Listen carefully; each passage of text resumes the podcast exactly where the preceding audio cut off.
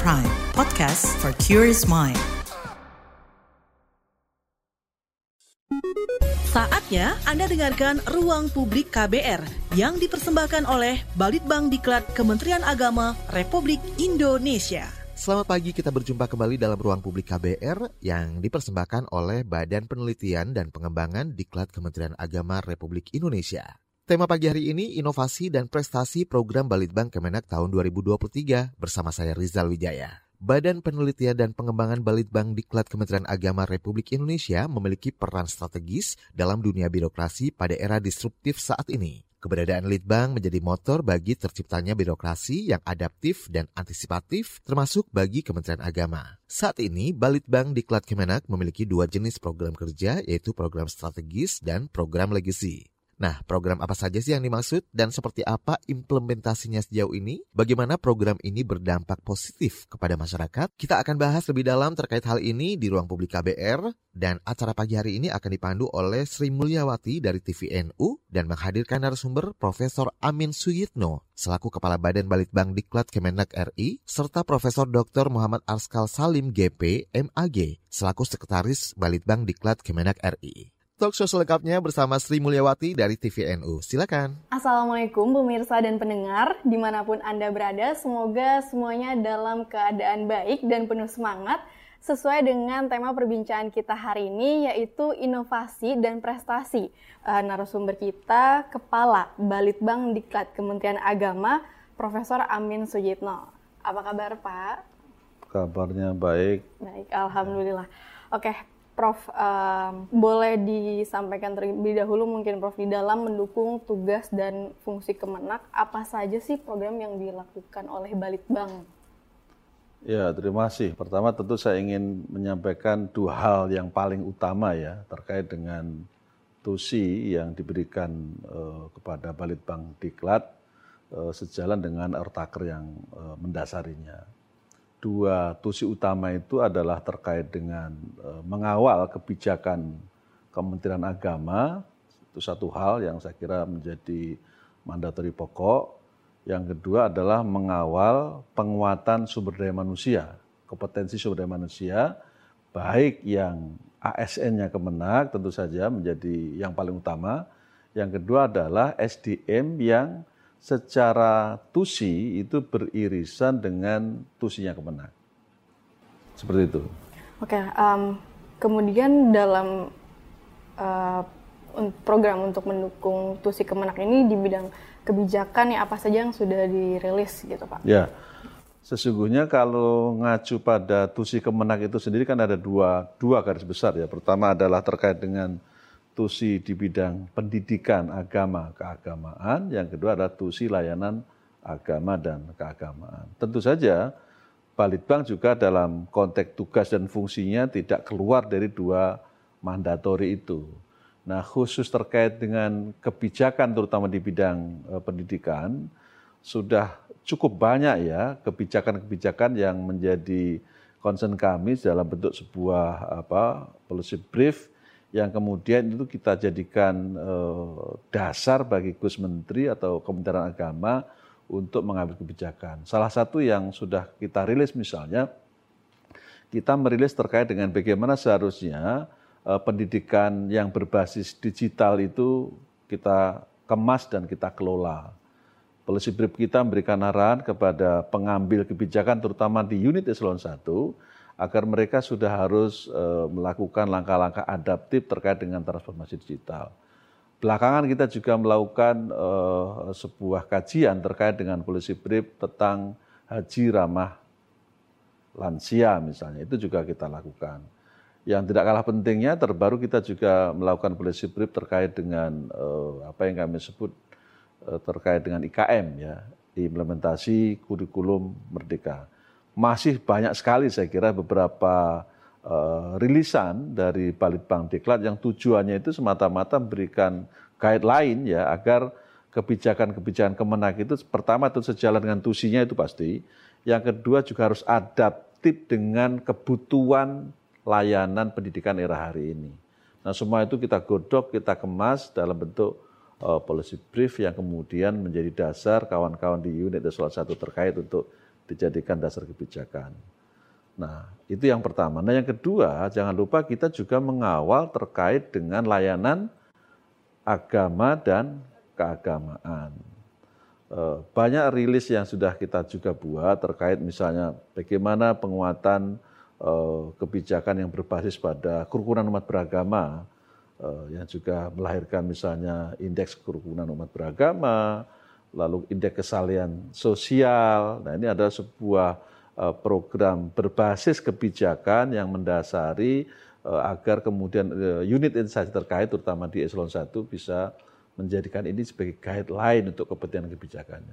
Seperti itu kira-kira Pak. Oke, itu kan dari segi kebijakan ya. Kalau ya. dari segi pengembangan SDM-nya Pak seperti apa?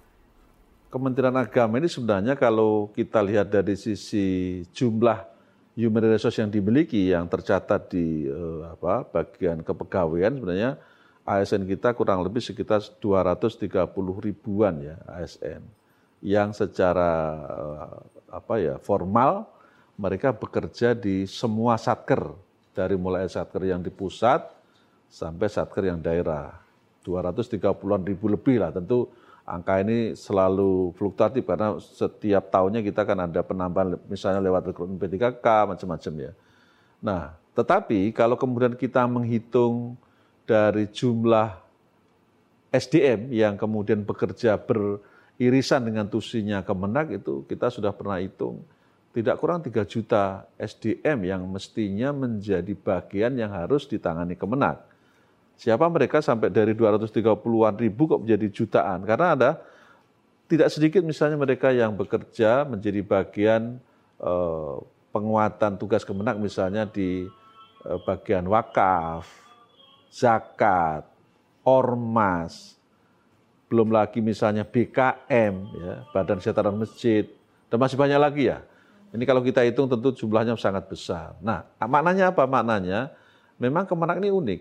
Dalam konteks penguatan SDM tidak semata-mata seperti kementerian lain yang yang digarap hanya ASN-nya, tapi kita pun juga menggarap non ASN yang tusinya itu memang beririsan dengan tusi-tusi Kemenak ya di bidang layanan agama dan keagamaan. Sehingga dengan jumlah sasaran yang sebesar itu, maka kemudian Kemenak dalam konteks melakukan penguatan human resource ini, kita juga melakukan langkah-langkah inovatif agar jumlah yang sebesar itu mereka bisa mendapatkan penguatan kompetensi tentu saja dengan uh, ketersediaan anggaran kita yang relatif.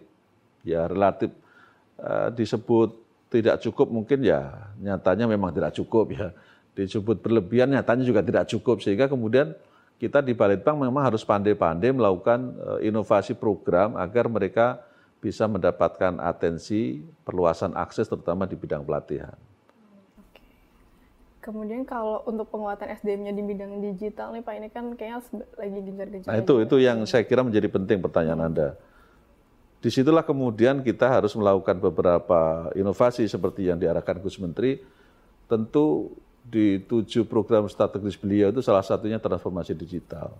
Dalam merespon arahan Gus Menteri ini kami di Balitbank Diklat uh, membuat sebuah apa, program penguatan kompetensi melalui yang kami sebut dengan uh, eh, MOOC atau Diklat Pintar. MOOC itu adalah Massive Open Online Course, sebuah aplikasi yang mempermudah semua Eh, human resource baik yang ada di kementerian maupun yang ada di luar kementerian terutama yang tadi saya sebut sebagai uh, masyarakat yang uh, beririsan tugasnya dengan kementerian dengan itu kita bisa memberikan apa ya kesempatan ya kepada mereka bisa pelatihan tanpa harus terikat dengan uh, waktu tanpa terikat dengan tempat bahkan juga free. Ini ini sebagian dari yang harus saya sampaikan kepada publik.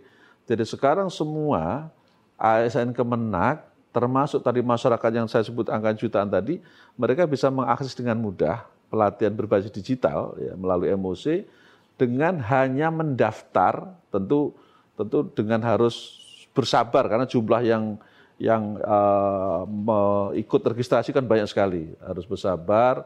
Kemudian begitu mereka sudah terdaftar, mereka ada ada tawaran-tawaran sejumlah apa opsi-opsi pilihan-pilihan diklat ya yang mereka bisa uh, pilih dengan sesuai kebutuhan masing-masing. Baik itu guru baik itu penyuluh dosen pengawas semuanya termasuk anggota masyarakat lainnya. Mereka bisa milih beberapa pilihan-pilihan eh, apa pelatihan. Setelah mendaftar kemudian mereka akan mendapatkan pendampingan, kemudian pelatihan. Bahkan pada saatnya mereka juga bisa ikut ujian di situ yang lulus akan dapat sertifikat secara online. Nah ini menjadikan pelatihan yang tadinya kaku, rigid, dan harus offline itu hari ini siapa pun bisa menikmati pelatihan ini dengan tanpa harus meninggalkan tugas-tugas rutinnya.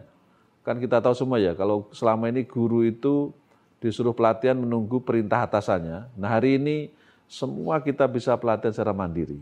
Ya, misalnya termasuk eh, kita juga rancang namanya pelatihan eh, binwin, pembinaan perkawinan. Ya, termasuk Anda kalau belum nikah harus ikut pelatihan itu. Supaya nanti nikahnya jadi keluarga yang sakinah, bukan sukinah ya, sakinah. Ya, sakinah. Itu kabarnya ya. Oke, dan tadi dalam bidang digital, jadi semuanya yang terlibat tadi SDM Kemenak ini bisa akses kapan pun, yeah. di mana pun bisa uh, apa belajar dari situ ya pak ya. Oke, um, tapi sudah sejauh mana sih pak implementasi itu progres dari uh, bidang digital itu? karena kan kalau tadi secara offline kan biasanya rigid kaku tapi orang tuh mau karena mau nggak mau harus mau ikut kan mm-hmm. sedangkan ini kan dari kemandirian ya kalau di bidang digital, belajar di secara digital ini dari kemandirian itu menggerakkan mereka untuk mau mengakses itu dan sudah sejauh mana Se mereka udah paham gak sih gitu dengan belajar itu kan jatuhnya belajar sendiri kan? Nah itu bagaimana? Ya, kalau dari pengalaman yang sudah kita rilis sejak pertengahan tahun 2023 dan sekarang sudah sudah ribuan orang ya yang mendapatkan kesempatan, kami sudah punya angka yang yang sangat uh, detail terkait dengan progres MOC ini. Bahkan hitung-hitungan kami kalau satu pelatihan itu hanya uh, bisa menjangkau sekitar 30 sampai 40 orang dan itu kalau pelatihan offline kan setiap pelatihan harus menghabiskan sekitar 170 juta pesertanya hanya sekitar 30 sampai 40 orang. Begitu kita gunakan apa paket online atau aplikasi emosi ini sekarang udah ratusan ribu orang terjangkau bahkan hitung-hitungan kami dalam uh, tahun 2023 ini dengan angka 170 ribu per kali pelatihan uh, Balitbang Deklat sudah mampu mengefisiensi anggaran dalam hitungan kami 1,6 triliun. Nah, ini ini sumbangan sumbangan Kementerian Agama ya. kepada Kemenkyu ya, kepada bendahara umum negara bahwa kita telah melakukan efisiensi anggaran untuk peningkatan human resource-nya Kemenak. Dan itu tidak main-main karena tidak mudah ya melakukan langkah-langkah perubahan mindset, perubahan tata kelola yang kemudian Kemenak sudah bisa masuk ke ranah itu. Tentu dalam proses di lapangan pasti ada kendala, misalnya tadi ada tanya, gimana nanti apakah ketika mandiri e, mereka juga punya e, respon yang yang cepat, ya quick respon ketika harus pelatihan. Tentu saja e, pelatihan ini kan ada namanya kita sebut dengan quality assurance, jaminan mutu. Tidak serta merta orang bisa pelatihan tanpa dikontrol. Para WI kita terus kita upgrade.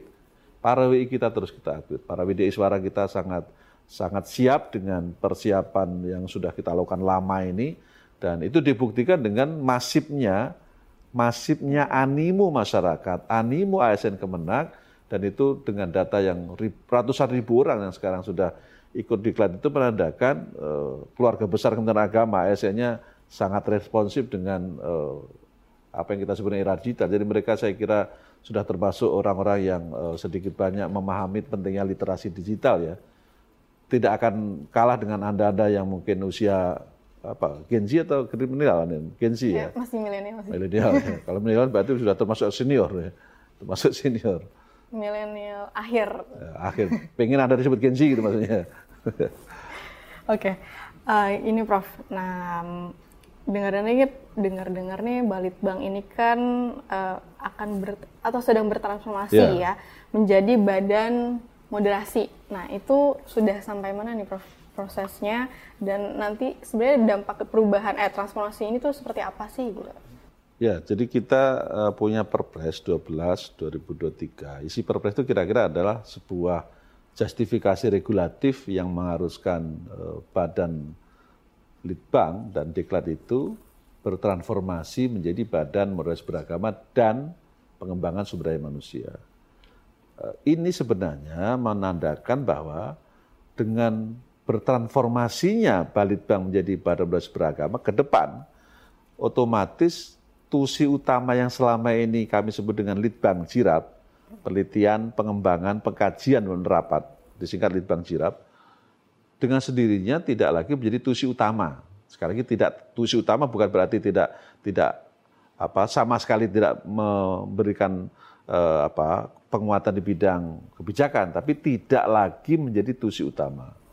Nah, itu yang berkaitan dengan Litbang Jirap akan pindah berhijrah ke BRIN, ya, Badan Riset Inovasi Nasional, sehingga hampir semua peneliti kami, saya kira di atas 99 persen lebih, itu sudah berhijrah sekarang ini menjadi keluarga besar BRIN. Saudara jangan ke mana-mana, siaran tunda ruang publik KBR pagi hari ini yang merupakan rangkaian dari kegiatan inovasi dan prestasi program Balitbang Kemenak tahun 2023 yang dipersembahkan oleh Balitbang Kementerian Agama Republik Indonesia akan kami lanjutkan kembali setelah jeda iklan berikut ini. Masih Anda dengarkan Ruang Publik KBR yang dipersembahkan oleh Balitbang Diklat Kementerian Agama Republik Indonesia.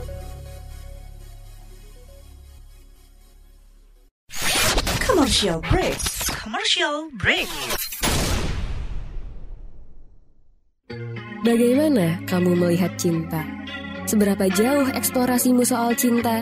Nikah, pacaran, cinta aja nggak cukup gitu. Tapi kalau saya bilang cinta aja tuh cukup. makna cinta Cile aduh Pokoknya ketika bilang cinta itu gue cuma tahu kalau you fall in love with the person and the complete package of the person ya. Cinta itu bisa menyenangkan, tapi cinta itu kadang rumit. Tiap orang punya ragam cerita cintanya. Love Bus membebaskan kamu mendefinisikan dan mengalaminya. Nah, ekspektasi itu ada kayak banting-banting meja, banting-banting piring gitu. Tapi gue ngerasa if I feel it, I need to say it. Dengarkan Love Bus di kbrprime.id. Tersedia juga di platform mendengarkan podcast lainnya. Love Buzz. Membicarakan perkara yang tidak dibicarakan ketika berbicara perkara cinta. Masih Anda dengarkan Ruang Publik KBR yang dipersembahkan oleh Balitbang Diklat Kementerian Agama Republik Indonesia. Anda masih menyimak siaran tunda Ruang Publik KBR yang dipersembahkan oleh Balitbang Kementerian Agama Republik Indonesia. Dan tema bagi hari ini adalah inovasi dan prestasi program Balitbang Kemenak tahun 2023. Kali ini masih menghadirkan narasumber Profesor Amin Suyitno selaku Kepala Balitbang Diklat Kemenak RI serta Profesor Dr. Muhammad Arskal Salim GP MAG selaku Sekretaris Balitbang Diklat Kemenak RI. Baik pemirsa dan pendengar, kita akan melanjutkan kembali perbincangan kita dengan Prof. Amin Sujitno. Nah, Prof, uh, tadi kan bahas soal uh, transformasi ya. Hmm. Nah, uh, namanya aja nanti kan sudah berganti nih dari dari Balitbang menjadi Badan Moderasi. Itu ke depannya dampaknya seperti apa nih, Prof? Ya, tentu begitu menjadi Badan Moderasi Beragama sesuai dengan namanya yang kemudian tadi saya refer terkait dengan Perpres, maka eh, ke depan fungsi Litbang Jirapnya menjadi sangat kecil bahkan nyaris tidak ada kecuali hanya kebutuhan kebijakan tertentu yang berkaitan pendidikan dan agama kita akan fokus khusus terkait dengan implementasi penguatan moderasi beragama di semua satker Kemenak, termasuk di satker-satker yang tadi beririsan dengan Kemenak. Nah yang menariknya, Mbak, belakangan kita juga ada Perpres 58 2023 yang memberikan mandatori pada Gus Menteri sebagai ketua harian pelaksana ya, atau ketua pelaksana untuk mengawal MB di semua kementerian dan lembaga. Maknanya apa? Maknanya penguatan MB yang selama ini sudah menjadi fokus Kementerian Agama, yang di bawah Gus Menteri memang sangat ditekankan sekali. Kita-kita dari semua eselon 1, eselon 2, para rektor, kanwil, dan semuanya kita sudah uh, dilakukan penguatan MB melalui MOT, Master of Training, TOT, ya, dan macam-macam itu. Kemudian sekarang kita harus juga melibatkan kementerian dan lembaga di luar Kemenang. Dan insya Allah akhir bulan Desember ini kita sudah melakukan MOT dengan eh, kalau nggak salah 18 eh, KL, kementerian lembaga di luar Kemenak mereka akan kita undang, insya Allah hari ini akan dibuka Gus Menteri nanti acara di salah satu hotel di Jakarta ini. Untuk apa? Supaya penguatan MB itu tidak semata-mata tugas Kemenak sesuai amanat Perpres 58 menjadi tugas bersama, tapi memang imamnya dalam tanda petik ya, imamnya adalah Gus Menteri sesuai dengan tusi dari Kementerian Agama sendiri. Nah, dalam konteks Balitbang Diklat yang bertransformasi menjadi Badan Modern Beragama, tentu tugas ini menjadi tugas yang sangat tidak ringan bagi kami di Badan Moderasi yang bertransformasi tadi. Karena satu sisi kita harus mengawal tugas yang memang ini berjalan seiring dengan perpres, di sisi lain tentu SOTK-nya, human resource-nya, semua perangkat yang ada di Badan Moderasi yang nantinya menjadi lembaga baru itu harus bersinergi dengan tugas-tugas kementerian khususnya dalam mengawal MB yang tidak saja di lingkungan Kementerian Agama tapi juga harus menyasar ke semua kementerian dan lembaga. Ini yang ke depan akan kita jadikan fokus kita di uh, apa Badan Moderasi. Luas sekali ya Prof cakupannya. Ya, ya, luas sekali. Jadi termasuk Anda yang belum ikut nanti Anda juga harus ikut. Terutama yang generasi uh, Z itu kita sebut sebagai kelompok penggerak MP. Hmm. Ya, penggerak. Jadi sebagai penggerak harus di depan ya, di depan memberikan semacam role model gimana sih moderasi beragama misalnya untuk konteks anak-anak Gen Z. Apalagi di dunia digital ya. Ya, anak-anak. Ya tentu saja juga melalui medsos ya, medsos hmm. di beberapa platform digital. Itu yang menjadi fokus kita nanti ya. Nah, uh, ngomong soal moderasi beragama nih, Balitbang kan katanya sedang mempersiapkan ya. uh, konferensi Asia Afrika dan Afrika Latin ya, Prof. nanti ini. Nah, uh, itu apa sih Prof yang mendasari uh, kegiatan ini dan negara negara mana saja yang terlibat, kemudian nanti output dari output dari uh, konferensi ini tuh seperti apa gitu?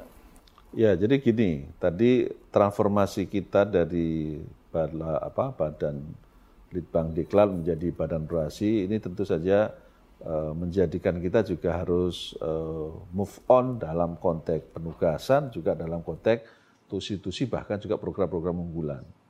Mengapa kita melakukan eh, program yang kami sebut dengan konferensi moderasi beragama Asia Afrika Amerika Latin? Tentu sejalan dengan tadi transformasi salah satunya ya. Sejalan dengan transformasi perubahan dari Balitbang Diklat menjadi Badan Moderasi. Yang kedua, tentu kita semua tahu bahwa uh, belakangan ini uh, ada persoalan yang sungguh-sungguh harus menjadi perhatian dunia terkait adanya anggap sajalah beberapa kasus di beberapa negara yang sedang berkecamuk dan tidak sedikit yang kemudian juga mbak bawa isu agama. Pertanyaannya adalah apakah kemudian agama itu jadi masalah atau jadi solusi? Hmm. Kami dari Badan Litbang Diklat yang bertransformasi jadi Badan Moderasi Beragama menganggapnya agama itu solusi. Kalau Gus menyebut agama sebagai inspirasi, sekaligus tentu saja solusi. Solusi apa? tentu ketika dunia sedang berkecamuk dengan berbagai alasan-alasan yang tentu saja macam-macam dalih dan dalilnya, agama harus menjadi solusi. Nah, seperti apa solusi itu? Mari kita kemas, diskusikan, ya, kita lakukan eh, pengkajian bersama dengan mengambil sebuah jejak-jejak penting pada tahun 1955 konferensi Asia Afrika di Bandung itu kalau semua negara Asia Afrika bisa bicara bersama tentang pentingnya perdamaian dunia, terutama dari semangat keberagamaan kita. Mengapa tidak di tahun 2023 ini kita melakukan itu? Mengulang kesuksesan, kegembilangan kita di tahun 1955. Karena itu kemudian judulnya menjadi konferensi moderasi beragama yang judul judul besar sesungguhnya adalah Legend and Humanity mengusung ya mengusung dari universalisme agama untuk kemanusiaan for peace untuk perdamaian yang kemudian nanti melibatkan beberapa negara benua Asia Afrika dan termasuk Amerika Latin sehingga mereka kita ajak bersama-sama untuk membincang mencari solusi agar agama itu bisa berfungsi untuk kepentingan perdamaian dan kemanusiaan. Tahun ini sebenarnya kita konsepnya masih kita sebut pra conference. Okay. Konferensi tingkat tingginya itu sendiri insya Allah nanti kita lakukan di tahun 2024 yang akan lebih besar dari tahun ini. Seperti itu. Oke, tapi nanti yang dihasilkan dari kira-kira harapan dari uh, konferensi ini tuh apa sih Prof? Dalam ya, outputnya tadi salah satu yang menjadi problem sekarang kan problem disharmoni ya beberapa tentu tidak semua, tapi kita melihat bagaimana Palestina, eh, kita juga melihat kalau soal Palestina mungkin itu isunya lebih isu uh, konflik antar negara, tapi banyak nggak sedikit lah banyak yang mengaitkan soal agama akhirnya kan isu. Ya apa pun itu tentu kita tidak boleh tinggal diam. Mm-hmm. Yang pasti korban kemanusiaannya semua kita yeah. tahu. Yang itu berdampak bukan hanya pada uh, kelompok agama tertentu, sekian banyak yang kemudian jadi korban dan kata kunci yang sedang tentu kita bersepakat menjadi isu bersama adalah universalisme agama yang kemudian di situ ada korban manusia. Nah, kemudian bagaimana kita hadir sebagai kelompok besar orang beragama agar kita semua speak out, merumuskan, memformulasikan untuk mencari solusi perdamaian. Dengan apa perdamaian itu? Tentu saja mestinya semua kita sepakat menggunakan instrumen lembaga dan lembaga yang paling otoritatif itu sebenarnya memang tidak lain adalah PBB.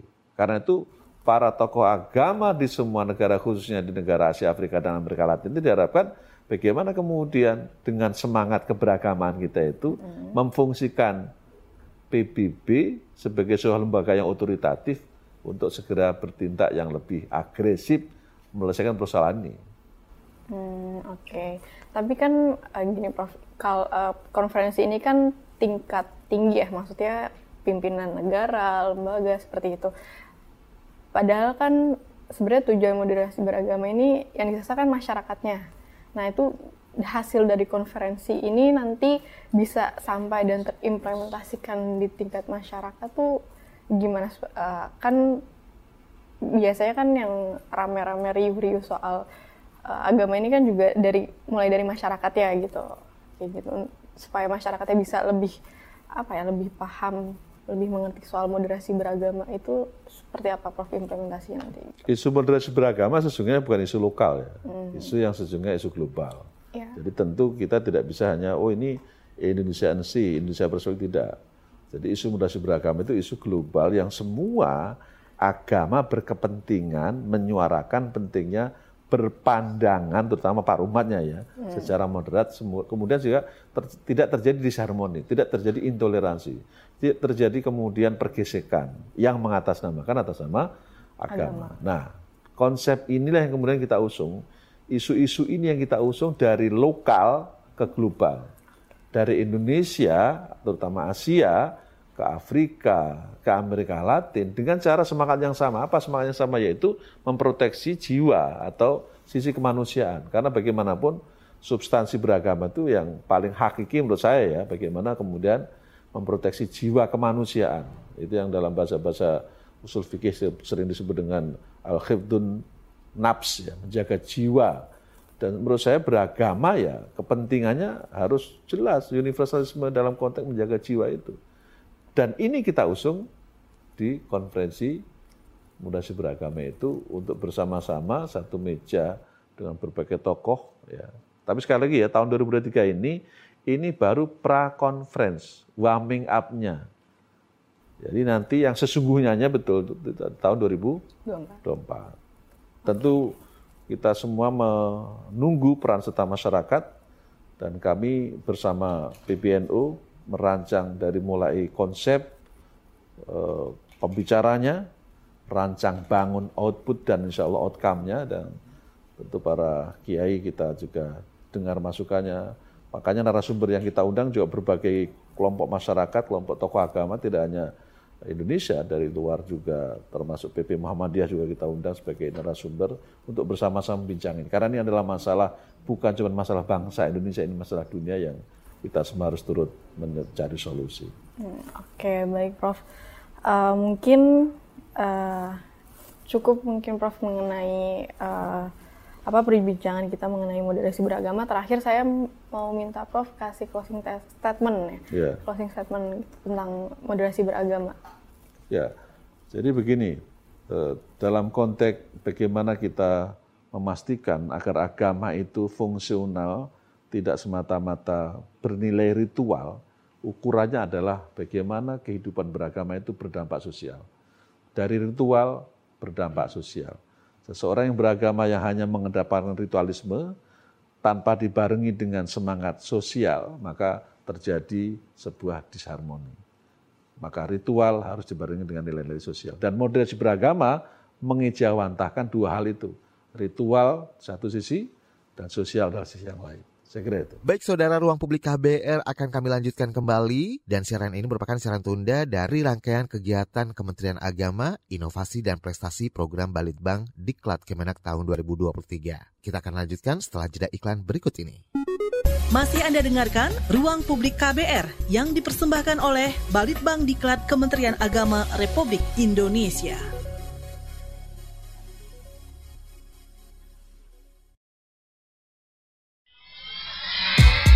Yuk follow social media KBR.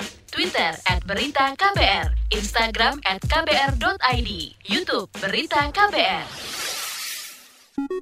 Masih Anda dengarkan Ruang Publik KBR yang dipersembahkan oleh Balitbang Diklat Kementerian Agama Republik Indonesia.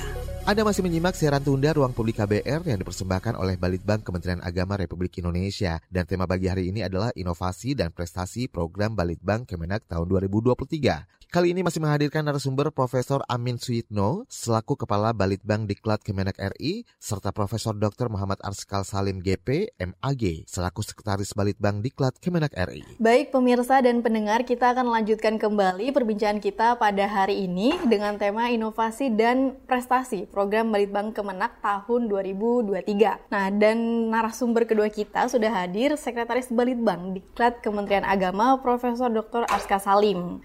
Apa kabar Prof? Kabar baik, Mbak. Baik, Alhamdulillah. Nah, Prof, uh, di perbincangan sebelumnya nih kan dengan Prof Amin Suyitno ini lebih membahas mengenai transformasi Balitbang menjadi badan moderasi beragama. Mm-hmm. Nah, uh, yang mau saya tanyakan dulu nih Prof, um, mengenai tata kelola terkait kelitbangan dan kediklatan dalam proses transformasi menjadi badan moderasi beragama ini nanti seperti apa? Gitu? Transformasi kelembagaan dari Badan Litbang dan Diklat Kementerian Agama menjadi badan moderasi beragama dan pengembangan SDM ini sesuatu yang niscaya. Lebih karena memang tantangan kita hari ini adanya berbagai dinamika-dinamika sosial keagamaan sehingga penguatan moderasi beragama itu menjadi niscaya dan ini perlu diseriusi gitu. Dan di saat yang sama kita tidak hanya mengganti nama nomenklatur gitu kan dari Badan Litbang dan Diklat berubah menjadi Badan Moderasi Beragama dan Pengembangan Sumber Daya Manusia.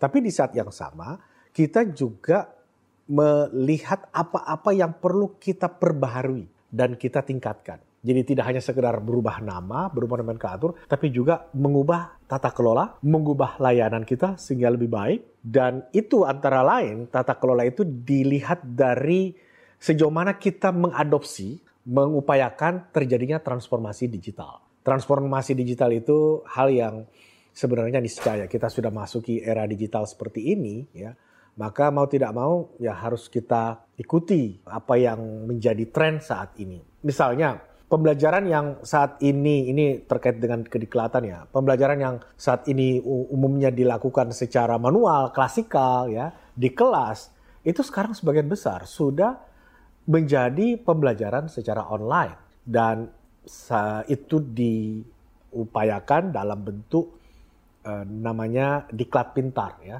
Itu bagian dari massive online open course. Di sini kita bisa melatih siapa pun ya, para guru ataupun penyuluh ataupun juga bahkan masyarakat ya yang merupakan stakeholder Kementerian Agama tanpa mereka harus datang ke kantor balai ataupun kantor pusdiklat atau kampus ya. Sehingga mereka bisa mendapatkan pelatihan dan nantinya mendapatkan keterampilan skill dan juga sertifikat yang diakui gitu. Nah, itu itu contoh kecil bagaimana upaya kita melakukan tata kelola tidak hanya dari segi perubahan nama tapi juga dari segi bentuk pelayanan dan dari segi kinerja yang selama ini kita anggap perlu pembenahan.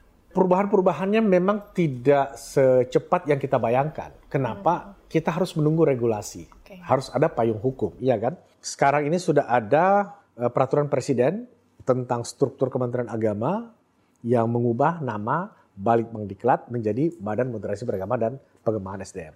Ini masih dibutuhkan peraturan Menteri Agama yang mengatur detailnya. Di bawah badan ini, Badan Moderasi Beragama ini, pusat-pusat apa aja yang ada. Pastinya ada pusat moderasi beragama.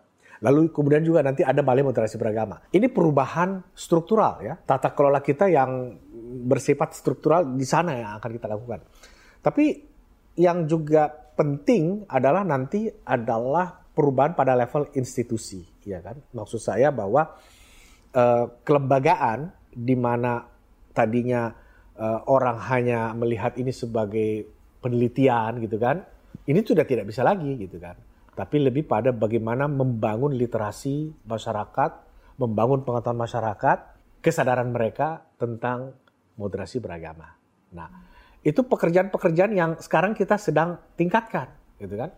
Dari berbagai macam bentuk literasi, ya kita sudah mencetak beberapa, sudah menyusun dan menerbitkan buku-buku, baik itu buku komik uh, moderasi beragama, juga ada uh, terkait dengan buku saku uh, bagi Gen Z tentang moderasi beragama, lalu juga ada buku-buku referensi bacaan akademik yang terkait dengan moderasi beragama, itu salah satu upaya kita dalam transisi tadi ini secara institusional ya bahwa ke depan ini akan menjadi badan moderasi beragama. Nah, eh, perubahan-perubahan sesungguhnya perubahan-perubahan itu diikuti tidak hanya struktural institusional tapi juga kultural sebetulnya. Tentu ini butuh waktu yang lebih panjang ya, tidak mungkin dalam waktu singkat. Bahkan kita masih menunggu PMA terbaru yang mengatur badan moderasi beragama ini gitu kan. Tentunya ke sana nanti kita lihat bahwa oh ada badan moderasi beragama bahkan ada balai moderasi beragama ya di mungkin nanti di tiga kota ya di Jakarta, Semarang dan Makassar yang menggantikan balai litbang agama. Nah dengan hadirnya balai moderasi beragama itu maka langkah-langkah ataupun juga upaya-upaya melakukan eh, penguatan sosialisasi terkait dengan wawasan moderasi beragama ini akan lebih gencar karena mereka langsung menyentuh ke pada masyarakat, stakeholder, Kementerian Agama, bahkan warga bangsa Indonesia secara umum. Terkait transformasi ini kan kalau hari ini mungkin kita tahu digitalisasi ini mm -hmm. kan hal yang pasti ya Prof. Mm -hmm. Transformasi ini juga dilakukan dalam hal digital. Mm -hmm. Itu apa saja nih Prof? Cukup banyak ya yang dilakukan. Misalnya selain tadi MOC juga ada program-program di Lajnah ya. Lajnah Pentashe Musab Al-Quran. Ini uh, suatu unit eselon 2 di bawah Balitbang Diklat yang menangani pemeriksaan pentasehan Musab Al-Quran. Dan beberapa hasil atau produk yang sudah available online itu Quran Kemenak gitu kan, disukan tersedia. Selain Quran terjemah uh, ke bahasa Indonesia, juga ada terjemah Quran bahasa daerah ya dan itu tersedia online gitu kan.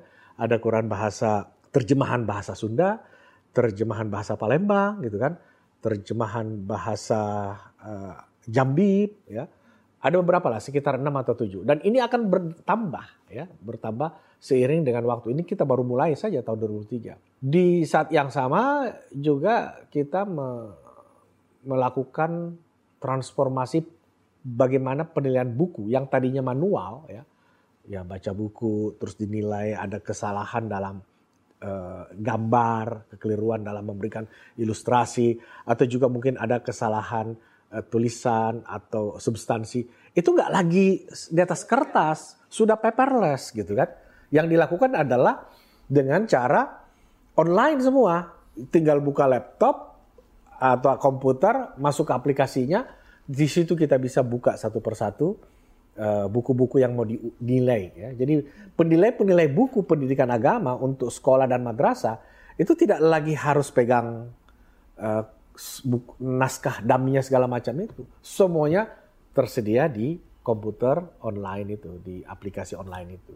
Jadi ini salah satu contoh bagaimana transformasi digital kita sudah awali dan lakukan dengan di masa-masa transisi seperti ini. Sejauh ini nih Prof, kendala-kendala apa saja mungkin yang didapati Balitbang untuk transformasi ke badan moderasi ini gitu? Yang pertama tadi ya soal kendala regulasi, payung hmm, hukum kan. Kan tidak mungkin juga kita mengklaim diri sebagai badan moderasi beragama tapi namanya masih badan litbang. Nah, itu kan kendala. Hmm. Bahwa pekerjaan kita, program kita, aktivitas yang kita lakukan dari waktu ke waktu di setiap unit eselon 2 dan 3 sudah mengarah ke sana, itu kita laksanakan supaya kita nanti terbiasa dengan itu. Nah, kendala lain juga bahwa untuk meyakinkan pada masyarakat moderasi beragama itu sebagai sesuatu yang relevan, urgen, penting bagi bangsa ini. Ini kan juga eh, menjadi sesuatu yang mm, challenging sampai saat ini ya. Eh, kita perlu membangun kesadaran masyarakat, tapi di saat yang sama juga ada masyarakat yang masih mempertanyakan gitu kan, mau masuk ke suatu instansi, eh, terutama di luar Kementerian Agama ya, masih bertanya-tanya ini apa moderasi beragama? gitu kan. Masih ada simpang siur atau masih dianggap uh, sesuatu yang belum bisa dipahami dengan baik sehingga terjadi boleh dibilang ya ada ketidakpahaman dan makanya juga tidak lantas memberi respon yang cepat ya atau positif kepada Eh, program-program penguatan moderasi beragama itu. Ya, ada beberapa program-program yang dilakukan. Uh, ternyata kita harus switch, kita harus mengalihkan. Antara lain juga karena oh, ini masih butuh ini dulu nih pendekatan-pendekatan gitu kan, hmm. supaya nanti bisa diterima dengan baik. Kita ini dulu cari mana yang lebih memungkinkan untuk bisa dilaksanakan dengan baik program penguatan moderasi beragama itu.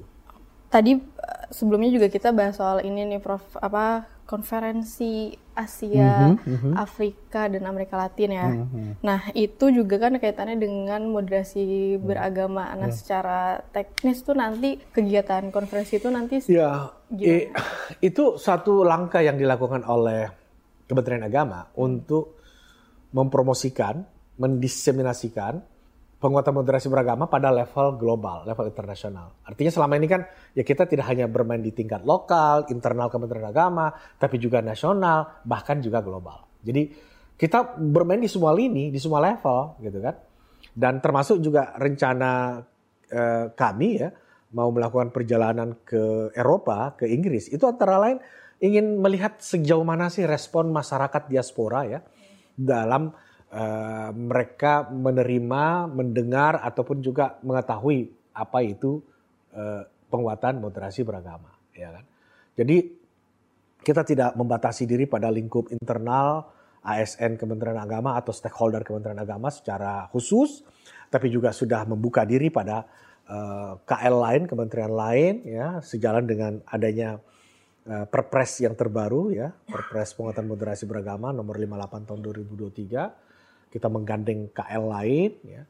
Eh, kita juga sudah berkomunikasi dengan eh, forum-forum pemuka agama, ormas-ormas, bahkan juga masyarakat, media dan seterusnya. Ini kan sudah level nasional lingkupnya. Tapi kita ingin terus sampai ke level global internasional, maka antara lain lewat konferensi moderasi beragama Asia Afrika Amerika Latin itu yang mau diadakan di Bandung di tanggal 19 sampai 22 Desember ini ya. Baik saudara ruang publik KBR akan kami lanjutkan kembali dan siaran ini merupakan siaran tunda dari rangkaian kegiatan Kementerian Agama, Inovasi dan Prestasi Program Balitbang Diklat Kemenak tahun 2023. Kita akan lanjutkan setelah jeda iklan berikut ini. Masih Anda dengarkan Ruang Publik KBR yang dipersembahkan oleh Balitbang Diklat Kementerian Agama Republik Indonesia.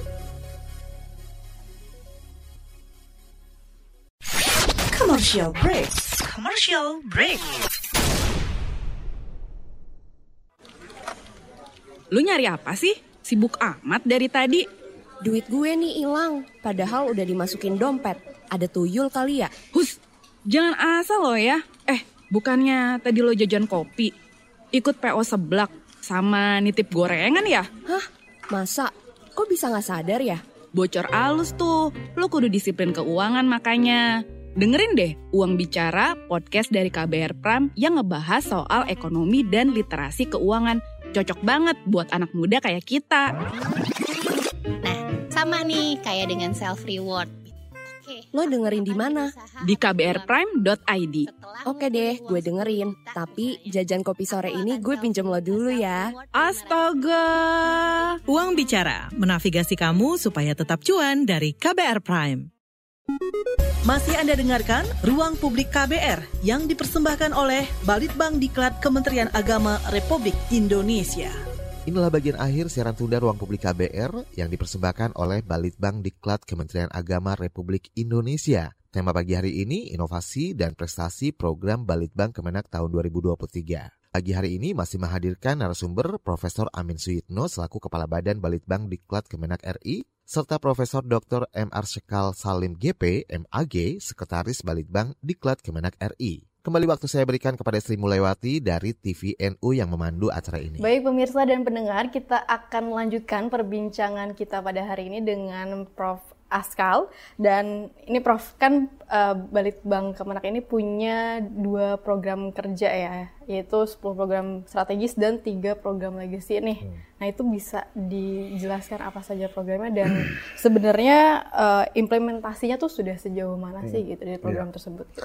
Ya ini program yang kita memang siapkan di masa-masa akan berakhirnya RPJMN 2020-2024 ya karena di dalam RPJMN 2020-2024 ini, ini kan juga senada, seiring dengan akan berakhirnya masa pemerintahan ya, yang tiap lima tahun itu kan berganti gitu. Nah, maka ada namanya program prioritas supaya kita mengadres hal-hal yang selama ini mungkin masih uh, lambat atau masih kurang gitu kan kita ingin gencarkan. Juga ada program legacy. Artinya warisan, kira-kira bisa dikenang gitu kan. Sehingga kalau nanti selesai RPJMN 2020-2024 ini, program tersebut atau produk yang lahir di masa RPJMN itu, itu bisa dilihat sebagai, oh ini adalah legacy, ini adalah peninggalan, ini adalah sebuah eh, karya warisan dari masa periode rencana pembangunan jangka menengah nasional tahun 2020-2024 hmm. itu. Nah, ada beberapa program yang sudah dilaksanakan dan eh, sedang dilaksanakan juga ya. Misalnya hmm, yang gencar itu yang belakangan ini ya oleh Balai Diklat Keagamaan di berbagai wilayah dari uh, Aceh sampai Papua itu melalui eh, skemanya pelatihan di wilayah kerja. Maksudnya Balai Diklat itu tidak mengadakannya di kampus di tempat di mana dia berkantor atau punya asrama. Tapi Balai Diklat itu pergi ke beberapa tempat di wilayah kerjanya. Misalnya Balai Diklat Keagamaan Bandung, ya kan? Maka di wilayah kerjanya tuh apa? Ke Tasikmalaya, ke Garut, ke Sukabumi. Pokoknya di wilayah kerja BDK Bandung. Beberapa program yang uh, pelatihan yang diadakan di sana, misalnya program pelatihan uh, penguatan moderasi beragama berbasis rumah ibadah, ya. Uh, itu uh, kita merasakan betul dengan pelatihan seperti itu, pengurus-pengurus rumah ibadah itu kita undang menjadi peserta di pelatihan tersebut. Ya, pengurus masjid, gereja, uh, pura, kuil, kelenteng dan sebagainya. Nah, di sana itu pelatihan namanya masyarakat ya berbaur ya, yang selama ini mungkin kalau di sehari-harian itu tidak bisa ketemu tidak juga mungkin ngobrol, tidak mungkin juga bisa tukar pikiran, apalagi sampai memahami isi pikiran satu sama lain. Nah, dalam forum seperti ini yang dilaksanakan kurang lebih eh, tiga hari ya, itu kita bisa bangun itu sebuah pemahaman bersama bahwa eh, kita sebagai pengurus atau penyelenggara kegiatan keagamaan di rumah ibadah masing-masing itu punya concern dan tujuan yang sama. Hmm. Agar apa? Ya meningkatkan partisipasi masyarakat untuk mau beribadah kan begitu. Nah, tujuannya mengapa beribadah kan agar membangun masyarakat yang soleh. Membangun masyarakat yang soleh ini adalah visi Kementerian Agama gitu kan. Nah, jadi ini kita gencarkan, kita ingin tunjukkan efek dari program yang berlangsung di RPJMN 2020-2024 ini eh, supaya masyarakat jadinya ada intensitas ya dan memah dalam memahami bagaimana praktek hidup yang rukun, toleran dalam bingkai uh, negara Republik Indonesia itu. Hmm. Itu itu satu uh, bentuk pelatihan. Masih ada uh, pelatihan lain ya. Pelatihan seperti misalnya uh, manajemen masjid, ya kan. Ah ini juga menarik. Kenapa? Kita ingin bahwa dalam mewujudkan visi Kementerian Agama membangun masyarakat yang soleh itu, masjid menjadi apa epicentrum bagi aktivitas masyarakat, tidak hanya masalah sosial uh, atau ritual, tapi juga ekonomi. Bagaimana itu menjadi tempat adanya ide-ide untuk pengentasan kemiskinan ya. Dan ini coba dilakukan. Bahkan mungkin juga termasuk bagaimana supaya uh, masjid bisa membangun gizi masyarakat, nutrisi yang baik dan seterusnya ya.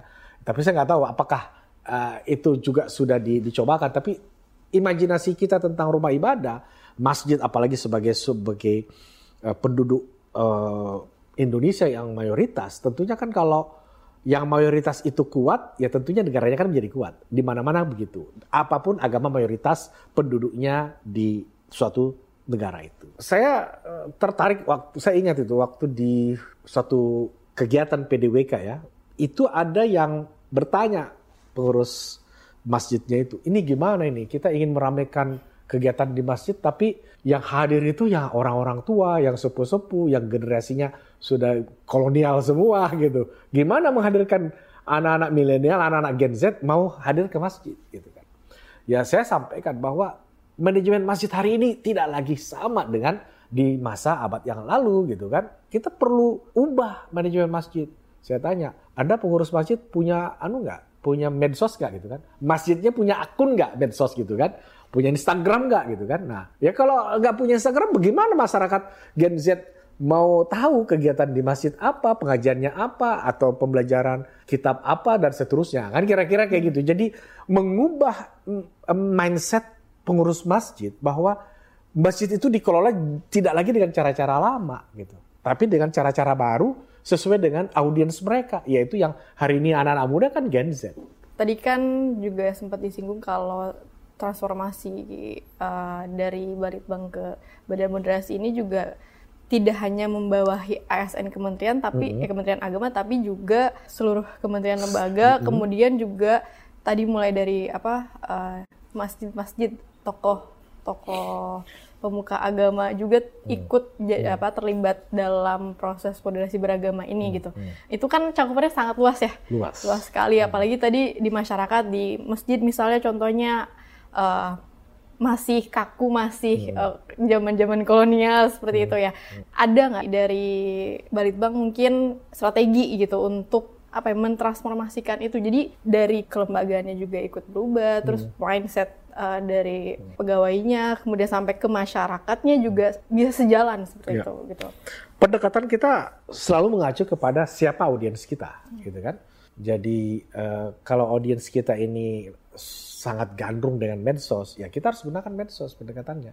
Dan kalau dilihat ya uh, akun medsos uh, Balik Bang Diklat, apakah itu uh, Instagram atau TikTok, itu juga kan menampilkan reels, reels, posting-posting yang menggugah gitu. Hmm. masyarakat pengen tahu ini apa sih gitu kan tentang moderasi beragama atau produk-produk balik bang diklat yang ada kaitannya dengan misalnya kitab suci gitu. Eh, masyarakat tertarik dan dari waktu ke waktu kan kita lihat berapa banyak likes gitu kan. Berapa banyak yang menambah subscriber atau followersnya gitu. Sehingga kita merasa mantap nih oke kita gunakan pendekatan ini untuk bisa mengakses secara luas kepada masyarakat. Sebab menanti mereka misalnya kalau untuk ASN Kementerian Agama aja ya, untuk datang ke ke diklat gitu kan, balai diklat untuk mengikuti pelatihan, itu sebetulnya waktu tunggunya lama loh. Nggak mungkin mereka tuh bisa ikut pelatihan setiap tahun sekali, nggak mungkin. Nah, caranya kita supaya bisa menyebarluaskan ide-ide gagasan yang menjadi uh, mandatori balik Bang Diklat ya dalam hal ini moderasi beragama dan keterampilan uh, secara luas gitu kan itu ya harus melalui pendekatan yang selama ini sudah digunakan luas ya. Uh, masyarakat mengakses internet sudah lebih dari eh, uh, 75% masyarakat kita kan. Hmm. Populasi kita tuh rata-rata sudah ketergantungan kepada akses internet. Kalau sudah nggak ada wifi, sudah nggak ada kota, nggak ada sinyal, mati gaya kan gitu. Jadi itu salah satu juga kita, oh ini harus kita lakukan dengan pendekatan-pendekatan seperti ini. Oke, hmm. baik. Prof, ini terakhir nih closing yeah. test, closing statement nih dari yeah. Prof Arskal mengenai uh, moderasi beragama gitu, hmm. seperti apa? Ya, masa depan Indonesia sebagai negara kesatuan Republik Indonesia itu sangat bergantung banyak kepada kesadaran kita sebagai umat beragama, sebagai warga bangsa untuk hidup toleran, ya, satu sama lain, hormat menghormati, rukun damai dan hidup dalam keharmonisan sebagai bangsa yang berbeda-beda latar belakangnya. Maka kita ingin terus memelihara warisan para leluhur, para pendiri bangsa ini dengan mengedepankan sikap yang saling hormat menghormati, ya, sikap yang toleran, anti kekerasan. Karena dengan demikianlah kita bisa tetap menjaga persatuan dan keutuhan bangsa ini. Oke, baik. Terima kasih Prof. Askal yang sudah uh, meluangkan waktunya untuk perbincangan pada hari ini. Dan baik pemirsa dan pendengar, uh, kita sudah sampai nih di akhir perbincangan kita. Uh, terima kasih Prof. Demikian program Ruang Publik KBR yang merupakan siaran tunda dari rangkaian kegiatan Kementerian Agama dalam rangka inovasi dan prestasi program Balitbang Kemenak tahun 2023 yang dipersembahkan oleh Balitbang Diklat Kementerian Agama Republik Indonesia. Saya Rizal Wijaya harus segera pamit. Terima kasih. Salam. Baru saja Anda dengarkan Ruang Publik KBR yang dipersembahkan oleh Balitbang Diklat Kementerian Agama Republik Indonesia. KBR Prime, cara asik mendengar berita. KBR Prime, podcast for curious mind.